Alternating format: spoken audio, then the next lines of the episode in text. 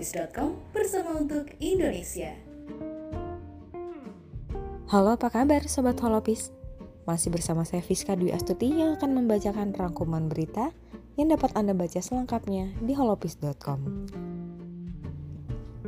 Seorang remaja berusia 14 tahun menjadi salah satu dari delapan korban tewas saat kericuhan konser rapper Amerika Serikat Travis Scott dalam sebuah acara Astroworld Festival Houston, Texas. Wali kota Sylvester Turner mengatakan bahwa masih banyak pertanyaan yang belum terjawab dari tragedi ini. Namun, Kepala Kepolisian Houston Troy Finner mengatakan salah satu kemungkinan yang mereka temukan adalah hal ini dimulai dari seorang penonton konser yang menyuntikkan orang-orang dengan narkoba. Lalu mereka menyuntik petugas keamanan di leher saat mencoba untuk mengamankan mereka. Sebanyak 25 orang dilarikan ke rumah sakit dan 13 orang masih menerima perawatan.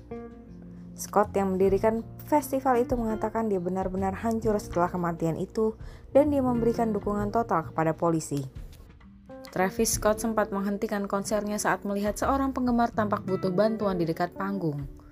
Sekitar 50 ribu orang memenuhi festival Astroworld di NRG Park, Houston, Texas dan berakhir ricuh dan berdesak-desakan. Saat ini pihak berwajib tengah mencari bukti sebanyak-banyaknya.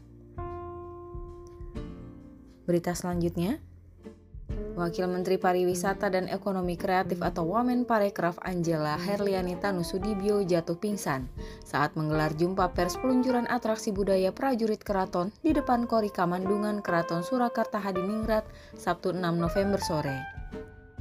Dari rekaman video yang beredar, terlihat tubuh Angela tiba-tiba oleng ke kiri.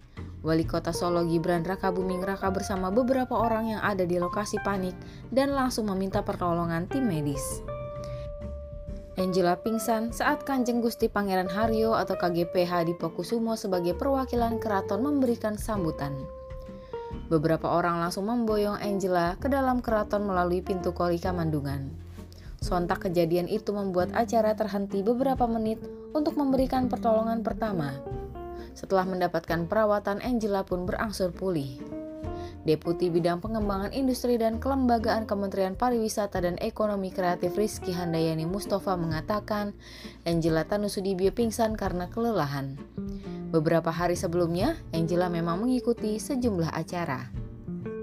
Berita selanjutnya, calon Panglima TNI Jenderal Andika Perkasa akan menyelesaikan persoalan Papua secara humanis, tidak dengan pendekatan militer. Hal itu disampaikan Andika Perkasa dalam rapat dengar pendapat umum atau RDPU bersama Komisi 1 DPR RI.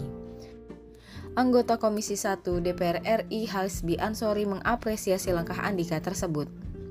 Selain itu, Komisi 1 juga tidak mempermasalahkan masa jabatan Andika Perkasa dalam menjadi Panglima TNI yang hanya berusia 13 bulan mendatang.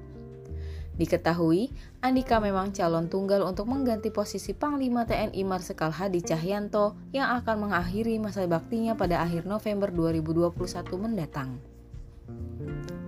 Berita selanjutnya. Kasila Kasubdit Gakum Ditlantas Polda Jatim Kompol Henry Ferdinand Kennedy mengungkap bahwa sopir almarhum Vanessa Angel, Tubagus Jodi mengakui mengendarai mobil dengan kecepatan tinggi saat kecelakaan Kamis 4 November lalu.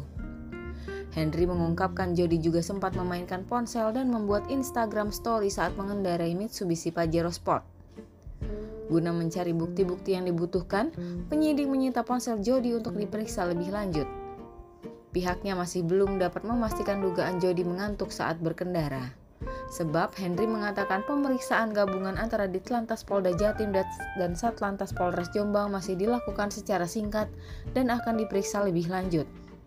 Sementara itu, menurut Henry, Jody berpotensi menjadi tersangka dalam insiden yang menewaskan artis Vanessa Angel dan suaminya ini. Demikian rangkuman berita untuk hari ini. Saya Fiska Dwi Astuti melaporkan untuk holopis.com bersama untuk Indonesia. Holopis.com bersama untuk Indonesia.